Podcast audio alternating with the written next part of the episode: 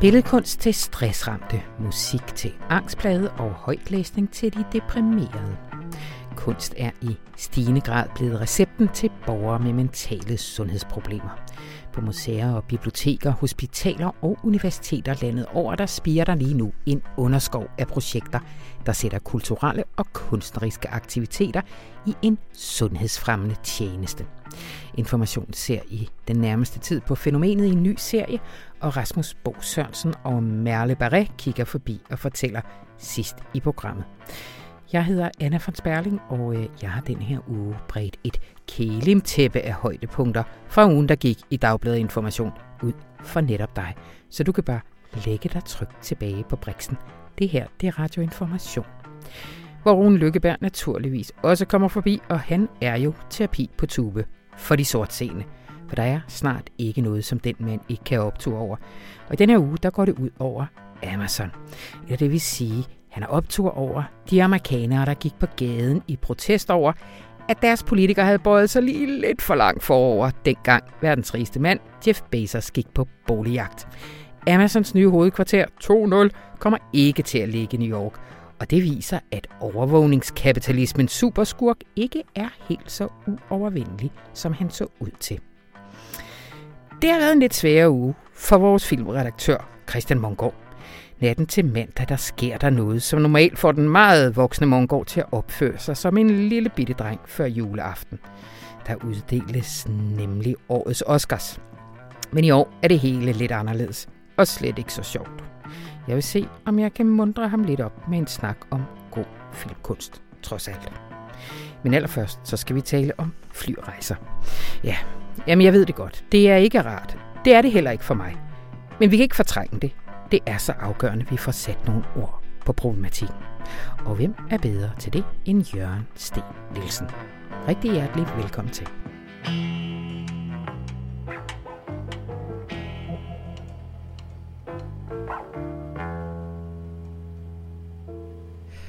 Hej Jørgen. Hej Anna. Altså, jeg skal i eftermiddag købe en billet til Delhi. Ja. Og, det, og det er arbejdsrelateret. Det er fordi, at der er valg her i april-maj, og det skal ned, og det ikke, eller jeg skal snakke med en masse kloge mennesker om klima blandt andet. Ja, spændende. Ikke? Ja, men hvad koster det mig i CO2-udledning hmm, ja. at flyve retur til Delhi? Ja. Jamen, det kan du jo øh, bruge et nyt værktøj til, som vi, vi skrev om i avisen forleden, mm-hmm. som er udviklet af forskere på det, der hedder Chalmers Tekniske Høgskoler i Göteborg. Ja. Det nye, som de har lavet, det er, at de har lavet sådan et interaktivt verdenskort. Altså, der findes mange sådan CO2-beregner, hvor du kan gå ind og så øh, putte nogle tal ind, og så får du et andet tal ud i den anden ende. Øh, men det er alt sammen lidt besværligt. Det nye er, at nu kan du simpelthen gå ind på et verdenskort, og dobbeltklikke på København, hvis det er der, du starter, og så fører musen hen til den by, du skal lande i, ja. og så får du i sit splitsekund øh, CO2-udledningen. Kan, kan du prøve at se, hvad det koster mig til Delhi? Ja, det kan jeg. Øh, jeg har kortet her. Så går jeg ind og dobbeltklikker på København, og så trækker jeg musen til mod Indien til New Delhi. Det koster for en returrejse 1984 kilo CO2, altså næsten 2 ton CO2. Hmm. Man har jo længe kun blandt andet har flyselskaberne jo opført, øh, eller flere af dem i hvert fald, hvad det koster i CO2 og sådan noget. Ja. Hvor sikker kan man være? Jeg har hørt mange folk sige sådan at der er så mange tal, og det diskuteres jo enormt meget. Ja. Og sådan noget. Hvad, hvad, hvad er den der baseret på? Den er baseret på, på øh, der er sådan en meget grundig, øh, temmelig videnskabelig forklaring på hjemmesiden om, hvordan de har lavet det her kort, og hvilke tal de lægger til grund. Ikke? Og det, der er afgørende øh, vigtigt og rigtigt ved den, synes jeg, det er, at de ser på CO2-udledningen fra den flyver, du sidder i, men de ser også på to-tre andre klimaeffekter øh, ved at flyve, som typisk ikke er med, når de fleste luftfartsselskaber tilbyder en CO2-beregner. Mm-hmm. Hvis du går ind på SAS' hjemmeside og siger, at du skal til Indien med et SAS-fly, så får du en øh, CO2-beregning, som er markant lavere øh, knap halvdelen af det her tal. Okay. Det, som Göteborg-forskerne er med, og som flyselskaberne sjældent er med, det er, at når du flyver, så kommer der det, der hedder noxer, kvælstofilter ud af flyveren. Der kommer nogle partikler, der kommer noget vanddamp.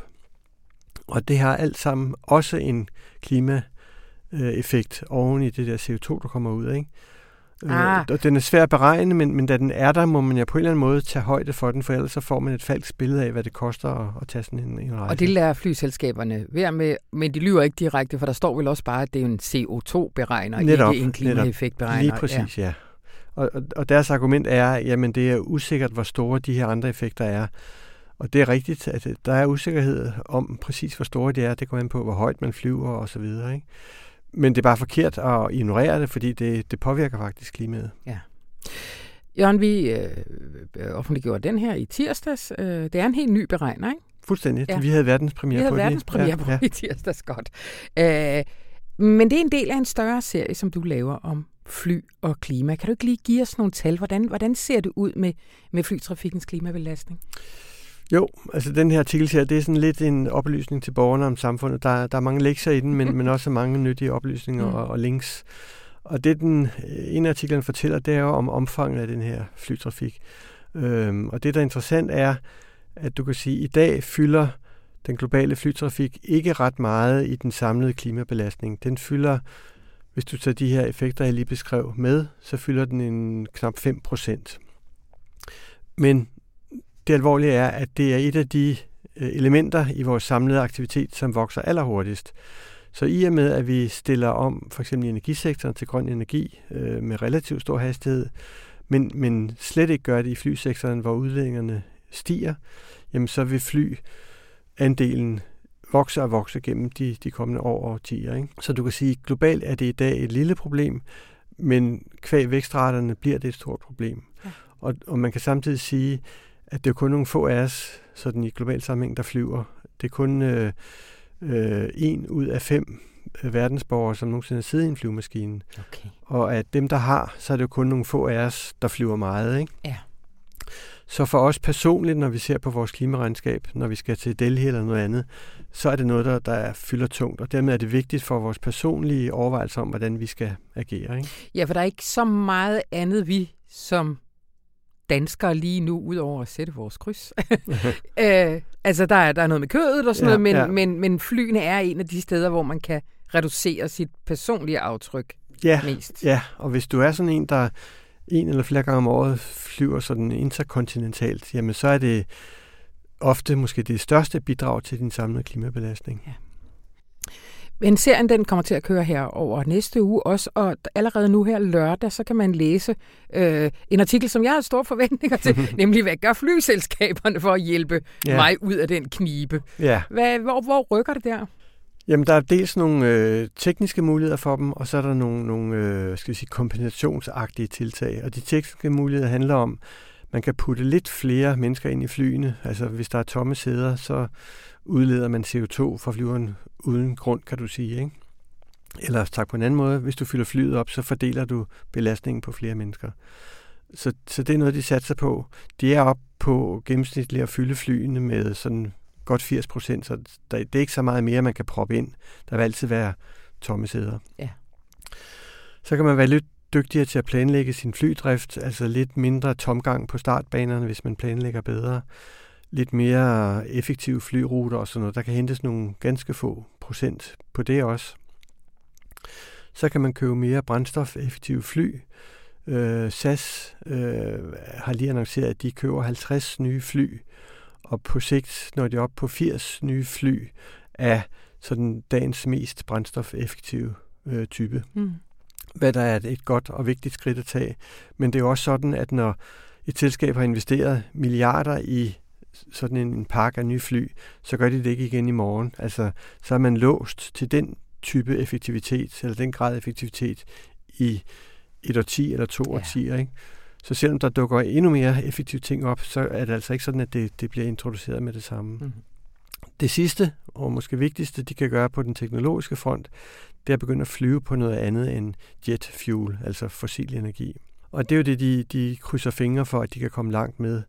Og der taler vi om biobrændsler, altså brændstof lavet på biomasse af forskellige art. Øh, vi taler om det, der hedder elektrofuel, som er, man udvinder brint, og det kombinerer man så med CO2, som man på en eller anden måde hiver ud af atmosfæren eller fanger i kraftværkernes skorstene.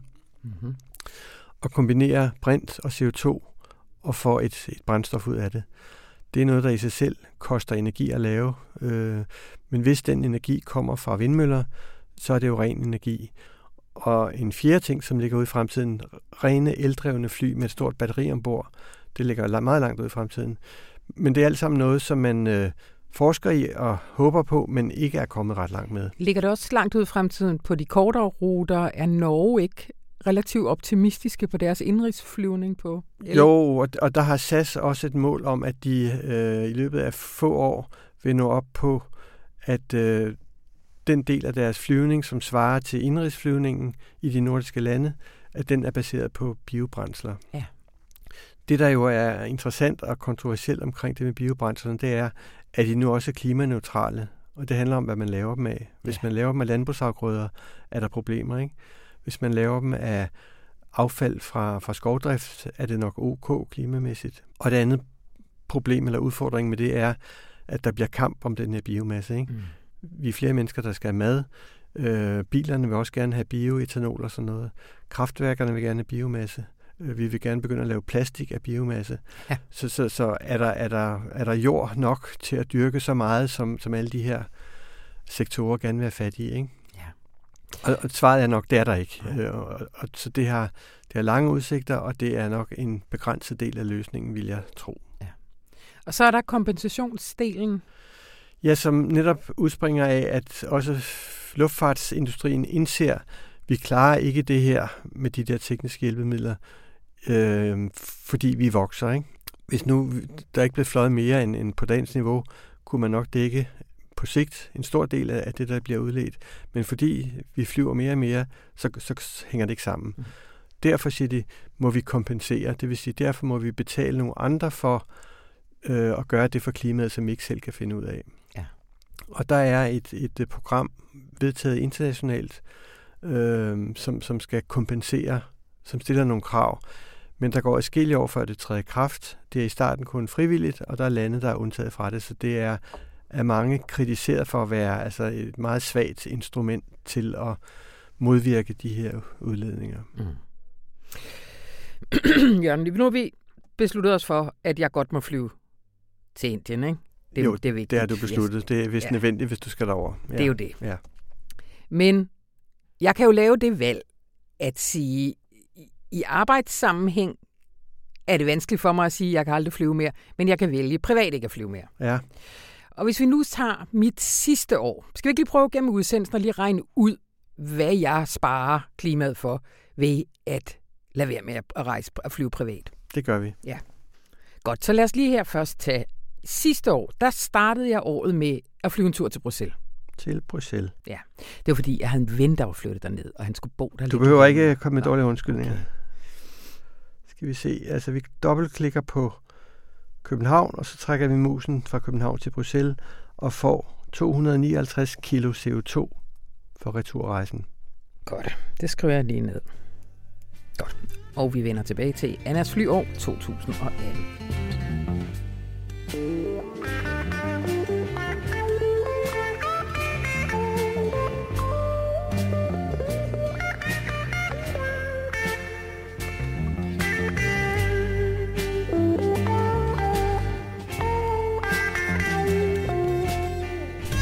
4 er jeg er klar herovre på den anden side. 10-4 gummijern. ja. Think got ourselves a convoy. Yeah! Hej Christian Mongård. Dags. Hvad er det, jeg læser i avisen? Du glæder dig simpelthen ikke til Oscar-uddelingen i år? Åh, oh, jeg gør, men sig det ikke til nogen. jeg skriver bare en indledning. Det er jo sådan noget, man gør nogle gange. Så. Du skriver i, øh, hvornår var det? Øh, det var i fredags til Fredag, kulturtillægget. Kulturtillægget i fredags, ja. Ja, skriver du en optag til Oscar-uddelingen, som foregår her natten mellem søndag og mandag. Du glæder dig stadigvæk, men du synes alligevel, at det er blevet øh, en mere problematisk begivenhed.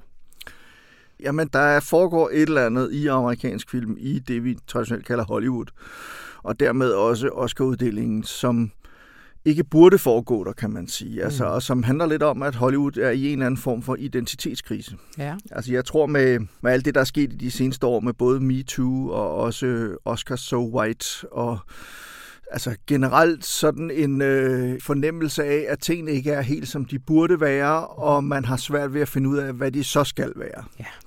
Og det ser man så, at, at det på en eller anden måde kommer til at blive afspejlet i Oscar-uddelingen og hele al den ballade, der har været omkring Ja, Oscar-uddelingen helt allerede konkret, i år. at det er en Oscar-uddeling uden vært.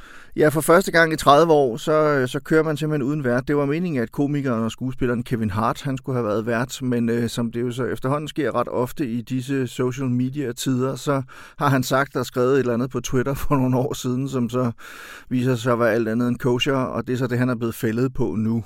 Altså, han skrev nogle ret homofobiske tweets, så der er ingen tvivl om, at det var, det var grimt at læse. Det er grimt at læse, og det er så det, han blev fyret på. Og så sagde han undskyld lidt modvilligt, og så prøvede man at hyre ham tilbage, og så ville han ikke alligevel, fordi så var han fornærmet og sådan noget. Så der har været sådan en masse rod. Mm. Men det sjove er, at det begyndte ikke engang der. Altså, det begyndte allerede sidste år med, at man lancerede sådan en ny kategori til Oscar-uddelingen, skulle være sådan en, en for populær film. Mm-hmm. Altså de film, som havde solgt allerflest billetter, de skulle så kunne nomineres i den kategori. Det blev nærmest sådan en publikumspris. Ja. Og det virker sådan helt åndssvagt, fordi det er der så mange andre, der gør sig glimrende, så hvorfor skulle Oscar-uddelingen gøre det? Mm-hmm. Og øh, så begynder vi ligesom at underminere alt det, som Oscar-uddelingen står for. At det ligesom er en branchepris, hvor folk, der er arbejder i, og i, i filmbranchen, amerikanske filmbrancher og filmbrancher over hele verden, kan man sige, der er også en hel del danske medlemmer af det amerikanske Oscar-akademi. Men øh, det endte også med, at man lagde den pris på is igen. Så har der været ballade med, at øh, sidste års vinder af de store skuespillerpriser, altså mandlige, kvindelige hovedrolle og birolle, ikke skulle inviteres på scenen for at overrække til de nye vinder i samme kategorier, fordi det, det er sådan en tradition, man har haft i mange år. Ja. Men Oscar-prisen har ligesom, eller Oscar-akademiet har sagt, at vi vil kun have de største kendiser på scenen, fordi øh, det trækker flere mennesker hen foran tv-skærmen. Og så har man ligesom skubbet sådan nogen som Alison Janney blandt andet, der vandt en Oscar sidste år ud på, på et tidsspor. Men hun er så blevet, alligevel blevet inviteret ind nu, fordi der var en masse ballade omkring Men så gider hun ikke, for hun er fornærmet. Jeg tror, hun kommer, okay. vist. Jeg, jeg, jeg, tror, jeg, tror, jeg tror, hun kommer, trods alt. Øhm, Sådan børnefødselsdag i min ja, men det er sådan lidt en børn... klasse i 0. B. Ja. Ja, men det er ikke engang løgn, og det, det virker enormt barnagtigt, fordi så er det, det seneste, der så er sket, det var, at lige pludselig, så vil man lave sådan et rotationsprincip, hvor man tog hvert år, tror jeg, det var øh, to eller fire priser, man så vil uddele under reklamepauserne. Altså Oscar-uddelingen er jo en stor kommersiel affære og bliver sendt på ABC i USA, og der er nogle meget lange reklamepauser. Det er der, hvor de danske kommentatorer, hvis man ser det live, de sidder ævlerløs i, i både 5 og 10 minutter, fordi der ja. simpelthen er reklamepauser. De der reklameminutter er mange penge værd for Oscar-akademiet, for, for ABC-Disney, der ligesom sender Oscar-uddelingen. Ja. Men så vil man simpelthen i løbet af de der reklamepauser uddele nogle priser, og det skulle jo så gå frygtelig stærkt, fordi det skal jo være færdigt inden Oscar-uddelingen så går live igen og sådan noget. Så det er jo de der tekniske priser, vi, Ja, let's men- be honest, de fleste af os ikke sidder og Jamen, jeg vil sige, det var faktisk snak om, det skulle være sådan noget med klip og fotografi og sådan ja. nogle ting, som jo er stadig nogle ret store priser, Ja. og for, i hvert fald for en filmfan som ja, mig, Ja. er interessant. Øh, og det har der været en masse ballade over, så det er nu også blevet omgjort. Mm. Og så er der alle de her, øh, som jeg også skriver om i, i min artikel, altså at, at der er film, som på skift nærmest bliver lagt for had af, af kritikere og kommentatorer og sådan noget, fordi de ikke er woke nok eller politisk korrekte nok, ikke? Ja. At de ikke siger og gør de rigtige ting i de her meget følsomme tider. Mm. Mm. Altså, den amerikanske filmindustri og den amerikanske underholdningsindustri er så bange til for at komme til at gøre og sige noget forkert. Mm. Og det smitter også af på, på, på stemningen. Mm.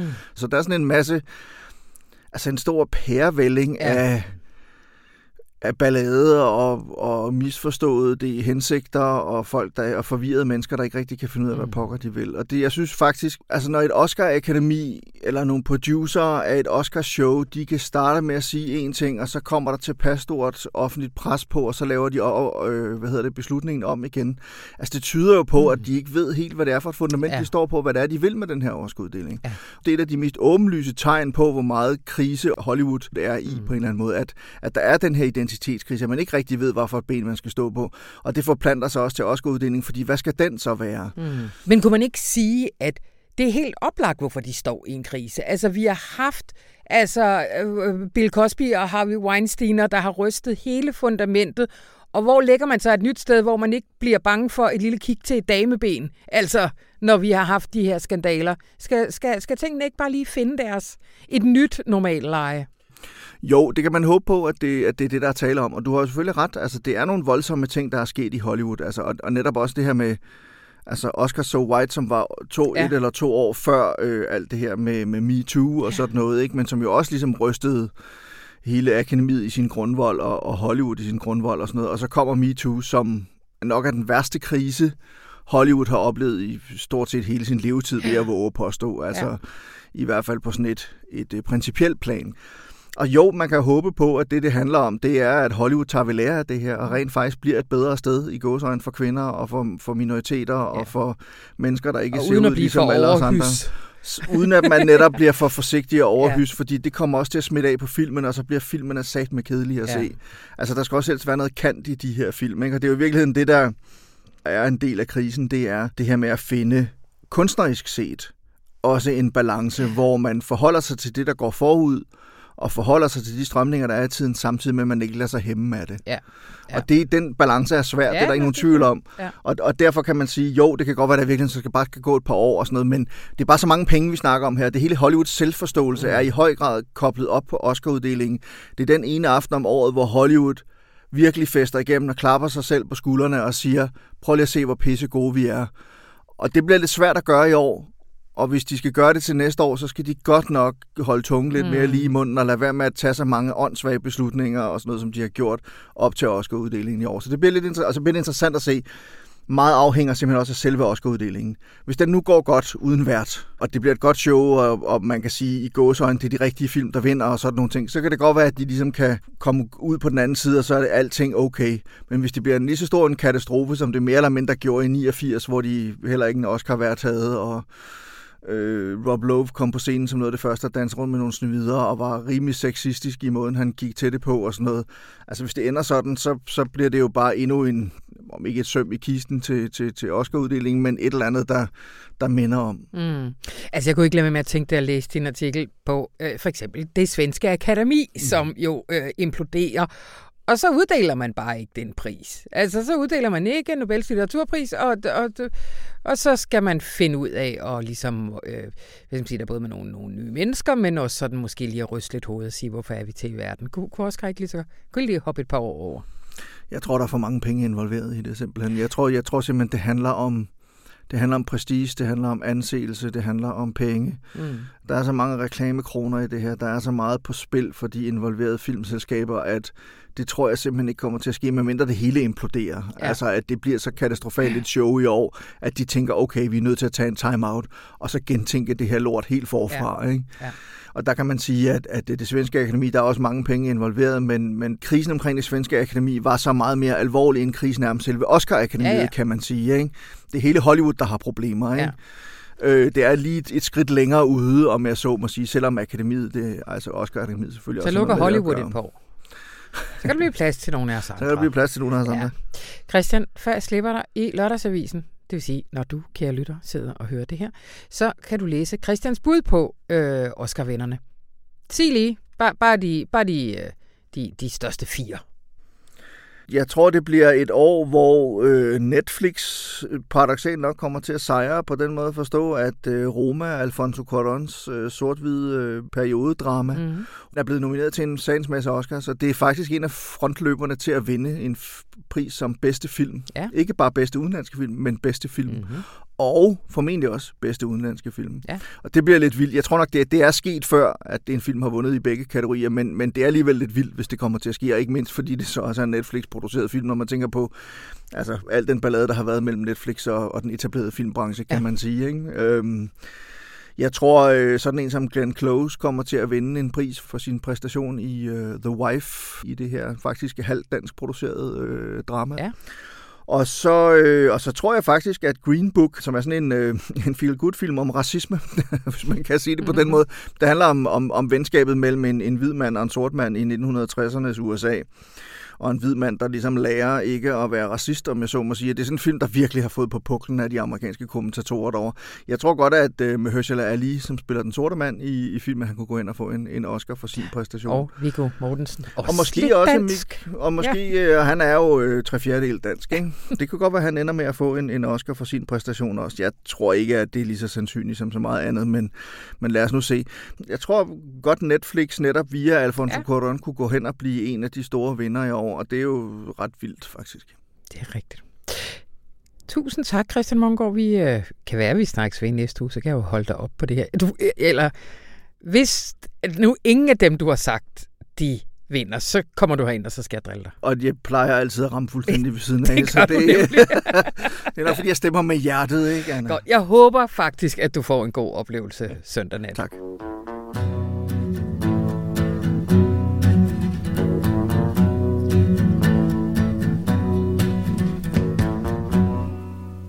Yes, Jørgen. Så er vi tilbage. Derefter så tog jeg en lille februartur med min søn og min far. Det var også noget med bedste forældretid og sådan mm. noget. Mm. Til Thailand. Ja. Så starter vi igen i København. Dobbeltklikker på København. Trækker musen mod øst til, Det var Bangkok. til Bangkok. Det må være her et sted, Bangkok. Der når vi op på 2.924 kilo CO2 for returrejsen. Hold op. Godt. Så kan vi også lige nå at få en, en tur, en lille tur. Kan, kan den det fra, øh, fra København til Aalborg? Den kan København. Aarhus, det er stort set det samme, og det er jo så lidt, så det ikke betyder noget. Det koster dig 23 kilo CO2. 23 kilo. Nej, undskyld, 53. 53 står der. 53 kilo CO2. Godt. Og vi vender lige tilbage.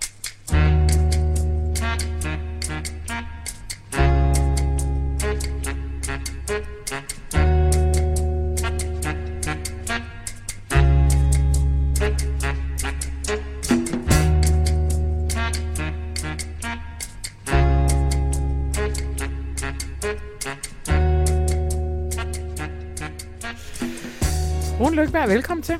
Anna von Sperling. Du har en optur til os. Ja, det har jeg. Det har jeg. Altså, de... Øhm... Nu går vi en lille smule historisk til værks, men bare roligt, vi går ikke længere tilbage end 2017. I 2017, der sagde verdens rigeste mand, Jeff Bezos, som jo er enevældig konge over verdens største internethandel, Amazon. Der sagde han, at nu skulle Amazon have et hovedkvarter mere. Mm-hmm. Det, der hedder Headquarters 2. Og det skulle være i en amerikansk by. Og så indledte han en budkonkurrence, hvor de amerikanske byer de kunne byde ind med, hvad de ville gøre for at få den ære at få Amazons andet hovedkvarter. Vi skulle på, at Amazon er legendarisk for, for det første at køre med nogle underskud, så de kan underbyde alle deres konkurrenter og smadre alle detailbutikker og smadre alt, hvad der findes af små forretningsdrivende. De kører med sådan nogle underskud, fordi de har så mange penge, så kan de leve med det. Mm. Øh, for det andet, så er de systematisk imod fagforeninger og overenskomster. For det tredje, så behandler de deres arbejdere af helvede til. Ja. Så den her virksomhed, der ligesom har smadret vilkårene for arbejderne, har smadret gamle bycentre, og i øvrigt behandler mennesker jammerligt, Og ikke betaler en kroneskat. og sidste år betalte 0 kroner i skat, samtidig med, at de fordoblede deres fortjeneste fra 5,6 milliarder dollar til 11,2 milliarder dollar. De tilbød de amerikanske byer, at, at vi vil godt lave et hovedkvarter hos jer. Og så skulle man jo tro, vi lever i en demokratisk verden, at alle de store byer vil sige, det vil vi godt. Mhm. Det vil vi godt, hvis I laver overenskomst, hvis I bidrager til offentlig transport, osv. osv., osv. Men det var det modsatte, der skete. De der amerikanske byer, de overbød sig selv i at nedværdige sig selv og tilbød kæmpe store tax breaks. Og jeg har taget nogle eksempler med, for at vi ligesom kan mærke ydmygelsen helt ind i vores informationslæsende kroppe. New Jersey, god gammeldags blue collar Bruce Springsteen stat. Mm-hmm. De tilbød til verdens rigeste mands firma, der tilbød de 7 milliarder dollars, så de kunne opføre hans. De ville opføre hans, hans, dem. hans, hans hovedkvarter. Den også to muligvis ubekendte by, Chula Vista i Kalifornien, de tilbød et kæmpe landområde, så han slet ikke skulle betale for der, hvor han skulle bygge, til en værdi af 100 millioner dollars. Chicago tilbød skattebreaks, som det hedder, for flere milliarder dollars. Og på den måde, altså hele vejen rundt, der tilbød de alle mulige præmier, hvor de altså tager og omfordeler fra alle de almindelige skattebetalere til verdens rigeste firma, for at nyde godt af deres tilstedeværelse i, i byen. Og det er ikke, ikke nok med det. De 238 byer havde også møder med Amazon, hvor lokale embedsmænd og kvinder, de underskrev non-disclosure agreements, mm. det vil sige fortrolighedsaftaler, så de kunne fortælle om de specifikke politiske konkurrenceforhold i de her byer. Så det var sådan den totale prostitution for storkapitalen. Selvfølgelig, og det skal vi jo huske at sige, jo fordi de gerne vil tiltrække nogle arbejdspladser. Ja. Og der vil kunne komme 20, 40, 60.000 arbejdspladser ud af det. Og som Bezos, den flinke mand, siger, det vil jo være arbejdspladser med en indtægt på over 150.000 dollars om året. Det vil sige, der var rimelig stort skatteproveny. Mm. Den her store prostitutionskonkurrence, det nye Miss America, som den, der lægger røv til Amazon, den blev så afgjort i øh, november sidste år, hvor valget faldt på New York. Og lad os også lige huske på, hvad senator Cuomo havde sagt. Han havde sagt, at han ville kalde sig selv for Amazon Cuomo, hvis det var det, der skulle til for, for, for, for, for, for at tiltrække dem. Og deres progressive borgmester Bill de Blasio, vi har sikkert, vi kunne have haft en optur, da han vandt, fordi han ville bekæmpe ulighed og så videre. Mm. Han sagde, at det var en fair deal, de havde lavet med Amazon, fordi de tilbød kun 3 milliarder dollars mm. i skattebreaks. Nå, men det er jo ikke det, der er opturen. Det er jo faktisk en kolossal nedtur. Og lad mig også tilføje, vi har jo set det samme herhjemme. Altså mm. jubel i de byer, hvor nogle af overvågningskapitalismens giganter vælger at slå sig ned.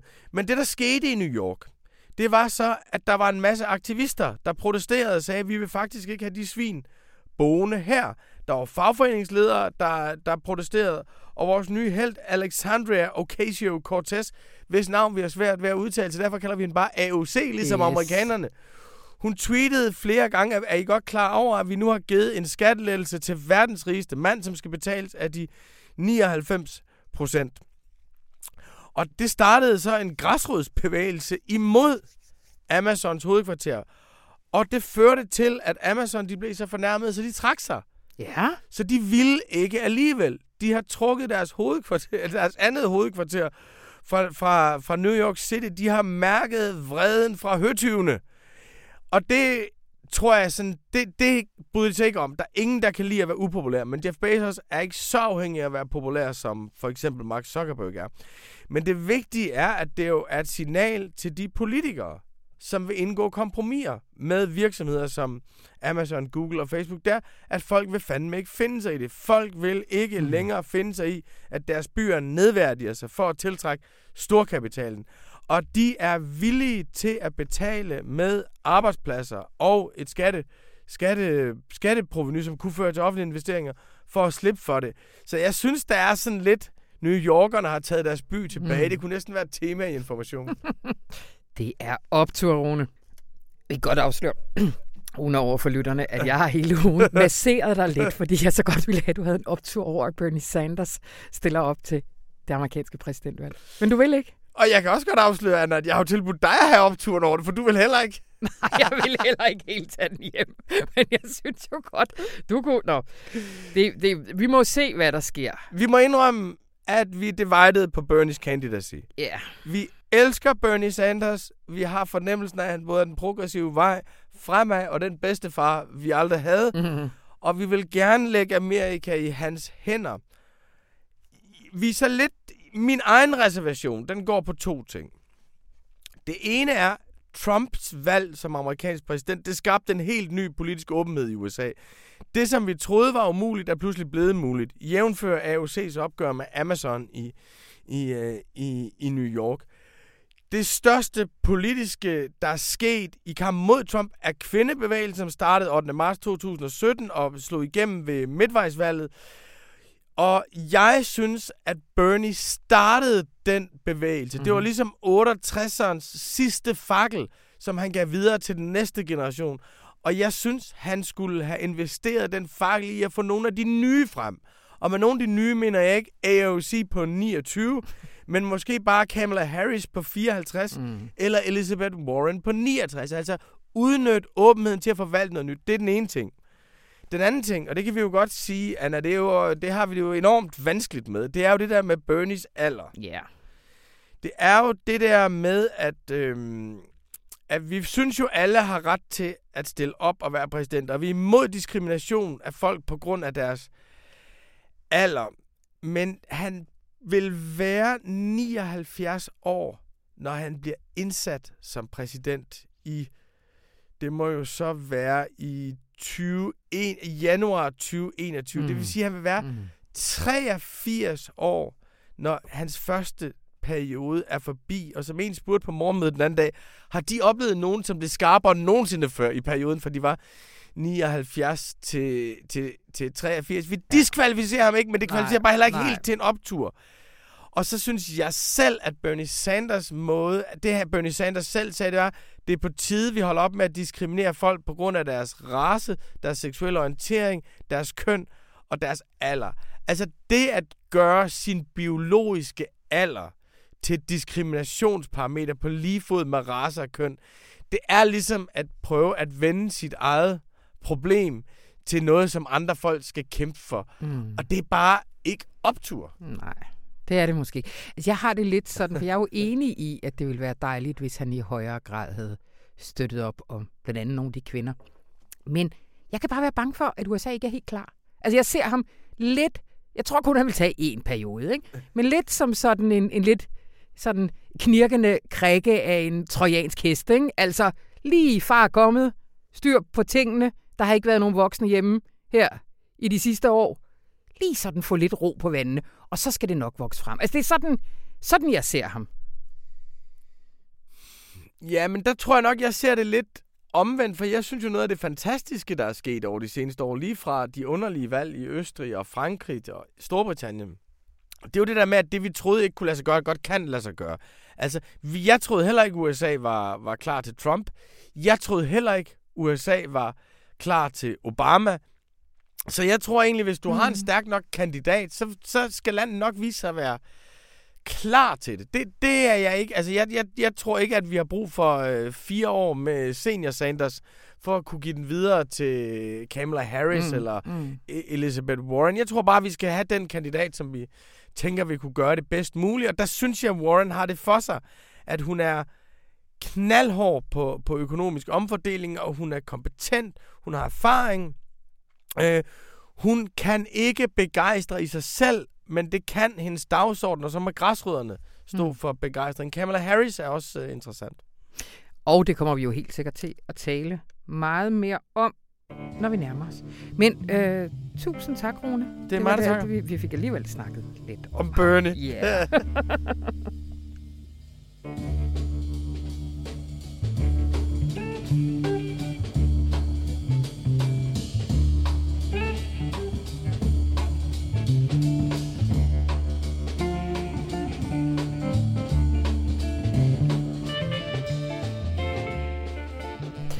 Og nu vil jeg gerne byde velkommen til Rasmus Bo Sørensen og Merle Barret. Tak for det. Tak for det. Det er blandt andet jer to, der står bag Informations helt nye store seriesatsning, der handler om kunst som terapi. Ja. Rasmus, hvad, hvad er anledningen til, at vi sætter fokus på det lige nu? Altså anledningen til, at vi sætter fokus på det lige nu, er, at der sådan inden for de seneste sådan fem års tid virkelig er kommet sådan et stort nyt fokus på kunstens helbredende kræfter eller virkninger, som er sådan et tværvidenskabeligt felt, der går under navnet kultur og sundhed, øh, og som ligesom sådan kobler kunst- og kulturaktiviteter med sådan en sundhedsfremmende dagsorden. Og det er ligesom noget, man ser i kommuner og regioner, og det er, der er flere fonde, der ligesom kanaliserer penge ind i det her område. Og det er jo sådan noget som dans til demente, øh, musikterapi for, for kraftramte, fælleslæsning for stressramte øh, osv. Så det er sådan altså et, et område, som er i vækst, og som der er også er ret stor øh, opmærksomhed omkring, både politisk og, og økonomisk. Men det, som vi så gerne vil forsøge at gå øh, sådan øh, lidt tættere øh, på, det er, hvad ved vi egentlig om de øh, sådan helbredende effekter af øh, at bruge øh, kunst og kultur inden for sådan sundhedsregi. Øh, altså kan kunst helbrede? Ja. Grundlæggende er det det spørgsmål, vi, vi er interesseret i, som jo er enormt appellerende spørgsmål, og som er også et spørgsmål, man har stillet sig selv igennem mange århundreder. Og, og, og hvad, vi kan lige vende tilbage til den historiske baggrund, men, men hvad, hvad, hvad har I så gjort helt konkret for at undersøge det her spørgsmål? Ja, altså øh, vi har jo gjort forskellige ting. Blandt andet så er der en række, der har været at undersøge forskellige forløb, hvor man bruger kunsten sådan i en eller anden helbredende sammenhæng. Men vi har også sådan helt konkret prøvet at se på, hvor mange penge, der egentlig bliver brugt på det her område. Fordi der findes ikke, skal vi lige huske at sige, der findes ikke rigtig sådan en eller anden samlet oversigt over mangfoldigheden af alle de her projekter. Så derfor så har vi gjort det, at vi har øh, ringet til de fem regioner, og til kommunernes landsforening, og så også til nogle af de allerstørste private fonde, som jo hvert år skyder millioner af kroner ind i det danske kunst- og kulturliv. Øhm, og der har vi set, at flere af regionerne er begyndt at lægge sådan nogle øh, ret sådan målrettede strategier for, hvordan man vil bruge kultur og sundhed. Altså hvordan man vil bruge nogle af de her kulturaktiviteter i sådan en sundhedsfremmende ramme, kan man sige. Øh, og det er flere af dem begyndt at lave her siden 2016. Nogle startede i 17, og nogle er først i gang nu med at lave en strategi for det. Øhm, og i KL peger man også på sådan en helt tydelig tendens, hvor at der ligesom spiger øh, små projekter mm. frem rundt i alle kommunerne. Øh, og også blandt de private fonde kan man se en, øh, en øget interesse for det her. Blandt andet Nordea-fonden, som faktisk har valgt i 2008 at lægge hele deres strategi om, sådan så at alle de projekter, de støtter inden for kultur, skal ligesom være med til at fremme gode liv. Altså det skal være mm-hmm. med til at være sundhedsfremmende eller forebyggende i en eller anden instans. Mm-hmm. Hvad for nogle konkrete øh, projekter har I set på, Rasmus? Jamen altså nu øh, starter vi øh, hele serien øh, her i fredagens øh, kulturtillæg, hvor jeg har været på besøg i øh, Kolding for at, at prøve at, at beskrive øh, et projekt, øh, de kører der, som er, de kalder det kultur i arbejde, og øh, det er målrettet sygemeldte borgere i kommunen, som lider enten øh, stress, depression eller angst, og som supplement til sådan mere klassiske kommunale behandlingstilbud, så får de så 10 uger med musik på, øh, på musikskolen og med fælleslæsning på biblioteket og med sådan kunstterapeutiske øvelser øh, på Trapholtmuseet. Mm. Og så øh, har man øh, øh nogle voldsomt ambitiøse øh, målsætninger for, hvad det skal munde ud i, altså at 80 procent af de øh, sygemeldte øh, borgere simpelthen øh, skal være tilbage i arbejde tre måneder efter endt forløb. Hold da op. Har du talt med nogle af dem, der deltager i projektet? Det har jeg, ja. Jeg var til en sådan øh, session på Trapholdt, hvor jeg sad med i sådan en halvanden times øh, lille kunstseance, hvor, øh, som blandt andet gik ud på øh, og, og skulle blindtegne øh, og så videre. det, der var interessant ved at følge det der forløb, det var, at de sad så og betragtede et, et maleri af Ejner Nielsen, og skulle så prøve at få formuleret, hvad det egentlig så i det der billede. Og det var meget svært ikke at forveksle, hvad, altså, om det var det, de så, de sagde, eller om det var det, de følte, de mm-hmm. sagde. At de der ting øh, smeltede sammen, og det var også det, som hende, den formidlingsansvarlige på museet, ligesom sagde, det var grundideen bag den der øvelse der, at man via kunsten som sådan en tredje instans mm. talte om noget andet, men måske talte man i virkeligheden om sig selv, og det var meget sådan... Øh, faktisk fint øjeblik at sidde og være tavs vidne til der. Ja. Hvad har deltagerne indtil videre sagt om deres oplevelser af at indgå i sådan et? Ja, altså jeg var ude og besøge en øh, fyr, der hedder Jan von Ryden, øh, bor lidt uden for Kolding, som øh, har været igennem på første hold i det her forløb. Mm-hmm. Hans øh, erfaringer med det havde været virkelig øh, gode, og det han sagde, det var, at han havde fået twistet sin tankegang. Han, han var ikke vant til at have øjnene op for det øh, smukke og det skønne og sådan noget, fordi at han var også havnet i en dyb depression. Han sad i hvert fald, som han selv beskrev det, øh, som en bjørn i hi, øh, trukket tæppet op over hovedet og sad og trøste spist og havde ikke øh, energi og overskud til selv at komme ud af sit hus. Og så blev han så kontaktet af Kolding Kommune, som sagde, kom ud og forklarede hovedet og kunst, mm. og det tog han så imod skeptisk. Han var ikke hu hej vildt begejstret, som han selv formulerede det. Men øh, så beskriver han effekten som sådan en... Øh, altså, det var dels det at sidde og tale om noget andet end sin sygdom, og føle, at man var noget andet end en klient i en kommune eller en patient i et sundhedsvæsen. Men det var også det at snakke med nogen om noget, og det er jo også det, som er interessant, når vi snakker om, hvad er det, der virker? Ja. Fordi man ved, det virker. Ja. Fordi det vil jeg spørge dig, Merle, om. Hvad, mhm. ved, hvad har I sådan fundet ud af i forhold til det her med, om det virker? Mm.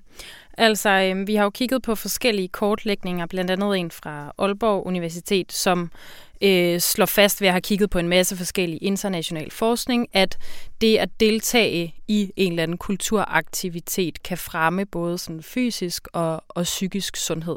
Det er der sådan set evidens for. Øhm, men hvilken kunstform, der virker bedst, ved man ikke endnu. Og så er det også det her med, at det fordi, at man øh, mødes og er sammen med nogle andre, er det fællesskabet, man får det bedre af. Sådan, hvor, hvad er det, vi egentlig skal måle på, når vi mm. kigger på det her? Øh, jeg har også blandt andet været i Holstebro og følge Læseforeningen, som laver sådan nogle, øh, de kalder det guided fælleslæsning, øh, hvor man lige nu har et projekt for, øh, for psykisk sårbare, som mødes øh, en gang om ugen i sådan nogle 10 forløb og får læst en novelle højt, som de så sidder og snakker om bagefter. Øhm, og her er man jo også meget overbevist om, at det at læse sammen med andre virker. Altså det har tidligere studier fra England også vist, at særligt sådan demenspatienter og ældre ensomme har fået rigtig meget ud af at deltage i det her. Mm. Spørgsmålet er bare, hvad man skal måle på, når man taler om det Om det er ting. litteraturen, eller om det er fællesskabet. Ja, præcis. Er det, betyder det noget, hvad man læser? Øhm, ja, det gør det. Der er lavet øh, en række forskningsstudier på det her, som også har fået lidt hug, fordi man jo netop ikke har fundet ud af, hvad man skal læse endnu.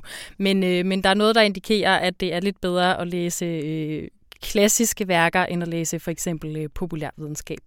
Øhm, så der er ligesom ja. også nogle, øh, nogle forskellige øh, diskussioner der. Og, og hvad der. skulle det så være? Er det noget med mennesket sådan vilkår? Hvad, hvad, hvad? Altså, der er, altså det, det er jo en, en gammel idé, der går helt tilbage til øh, altså Aristoteles' øh, begreb om øh, katarsis, ikke? Altså det her mm. med, at man altså, kan sidde i en mørk teatersal og ligesom spejle sit eget indre mm. følelsesliv i karakterernes øh, udvikling på scenen, og så igennem det opleve en eller anden form for psykisk renselse eller forløsning eller sådan noget. Ikke? Så, så, så det er vel også det, der er, er på spil her. Mm. Øhm. Og sådan også allerede tilbage ved sådan biblioteket i Alexandria, der stod der sådan sjælens medicin. Altså som om, at det ligesom var noget, vi skulle tage ind, og man har også set sådan ældre, øh, antikke, sådan nogle, man kan kalde dem sådan sundhedscentre i dag, men hvor man både har tænkt idrætsanlæg og teatersale og hospitaler og biblioteker sammen. Mm. Altså så man tænker sådan lidt mere sådan øh, holistisk, både sådan når man tænker øh, på sundhedsvæsenet generelt, men også bare på mennesker. Ikke? Så det er i højere grad et spørgsmål om, det er ikke en ny idé, men vi Nej. har bare haft glemt dem i rigtig mange år? Eller? ja, man kan sige, at altså, det er en idé, der går helt tilbage til sådan 600 øh, år før vores tidsregning. Det var dybt indlejret i, i den antikke tankegang at koble kultur og sundhed mm. allerede dengang, altså sådan at vejen til et, et, et sundt sjæl i et, et sundt læme, eller hvad man nu siger det, at den ikke kun gik gennem lægevidenskaben, men altså også gik gennem litteraturen og musikken, og, altså kulturen bredt. Ja. Ikke? Ja. Og så i de seneste mange år, altså vi har da snakket sådan lidt om hospitalskunst, men altså vel som sådan noget, der skulle gøre, at vi, hvad jeg, de besøgende ikke kedede så forfærdeligt, eller at det var da dejligt at have noget at se på. Men det virker som om i rigtig mange år har man ikke beskæftiget sig så forfærdeligt meget med, med kunsten i en direkte sådan helbredende funktion. Nej, men det er rigtigt. Altså, øh, vi har jo også spurgt både øh, nogle af de mennesker, som arbejder som praktikere, altså rundt omkring i kommuner og regioner, og også en række af de her forskere, som sidder og kigger på det her, sådan, hvorfor de egentlig tror, at vi ser det her i de her år. Ja. Og rigtig mange af dem peger på stigningen i dårlig mental sundhed og psykiske lidelser. Altså, at øh, vi ser jo for eksempel den nationale sundhedsprofil, der udkom for hvad var det, et halvt års tid siden, eller sådan noget, som jo viste, at 25 procent svarer, at de har et højt stressniveau, ikke? og WHO har også været ude med den ene forudsigelse efter den anden, og vi taler rigtig meget om det her. Øhm, men rigtig mange af forskerne og praktikerne peger også på, at det kræver nogle nye svar. Mm. Altså, at vi mentalt har det rigtig dårligt, så derfor skal vi begynde at se på nogle andre ting, som man ikke kun kan få igennem og, og tænke på den fysiske krop, men at vi også på en eller anden måde skal, skal op i hovedet. Men jeg kan jo ikke lade være med at tænke, når I sidder her og taler sådan kunsten i arbejde, ja. 80 procent mm. tilbage, sådan noget, det, ja. altså, det er også en, øh, en vogn, som kunsten spændes for. Altså, mm. hvad, er der ikke nogen, der er lidt kritisk over for det? Eller? Jo, det er, det er der jo i høj grad. Altså, mm. Fordi man kan sige, lige så snart man begynder at tale om kultur og sundhed, og kultur som noget, der skal helbrede os i et eller andet sundhedsregi, så er der jo rigtig mange, særligt fra øh, kulturverdenen, som, som stejler og siger, men hey, pas lige på, fordi når vi gør det her, så er vi altså også med til at instrumentalisere kunsten. Det vil sige, at vi ikke længere kigger på, at kunsten har en værdi i sig selv, men at vi kun hylder kunsten, fordi den kan bruges som et eller andet ja. middel til at opnå et eller andet mål. Ja. Ikke? Øh, og det er der jo rigtig mange, der synes er problematisk, øh, fordi man måske misser lidt kompleksiteten i, i meget kunst, og også misser sådan meningen med, hvad man egentlig skal bruge den til. Rasmus, skal du lige sige to ord om, hvad, der, hvad, hvad, hvad læserne kan vente sig i den kommende tid? Ja, men altså, som sagt, så skyder vi hele serien i gang i den her weekend i Kulturtillægget med en bred introduktion til, øh, til feltet. Øh, mandag så øh, har øh, Merle sådan en, en større sådan økonomisk oversigtsartikel. Kan man, det lyder meget tørt egentlig, når jeg lige får sagt det højt. Men den er faktisk meget god. Jeg har læst den. Den er faktisk man meget sig ikke. Nej, det gør man nemlig ikke. Og man, og man får også et, et indblik i, hvor stort det her felt egentlig er. Så vil der øh, være øh, forskellige reportager rundt omkring fra øh, øh, musikterapi, og der vil være en billedreportage fra øh, danseterapi osv. Og så noget, som jeg glæder mig personligt ret meget til, det er, at vi, har, vi simpelthen sender vores videnskabsredaktør, øh, Louise Drivsholm, i en form for kunstterapi, mm-hmm. hvor hun så samtidig skal forsøge at forklare os andre, hvad der egentlig sker inde i øh, hovedet på os, inde i hjertet på os, mm. ind i kroppen, når, øh, når vi udsættes for øh, forskellige former for kunst og kultur. Og den kan findes sandsynligvis på et eller andet tidspunkt inde på hjemmesiden i en samlet form. Lige præcis. Ja. Jamen tusind tak, Merle Barret og Rasmus Bo Sørensen.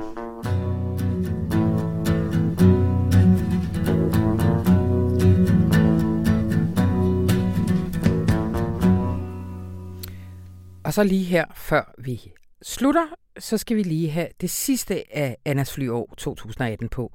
Tunesien, København, Tunisjørn. Ja.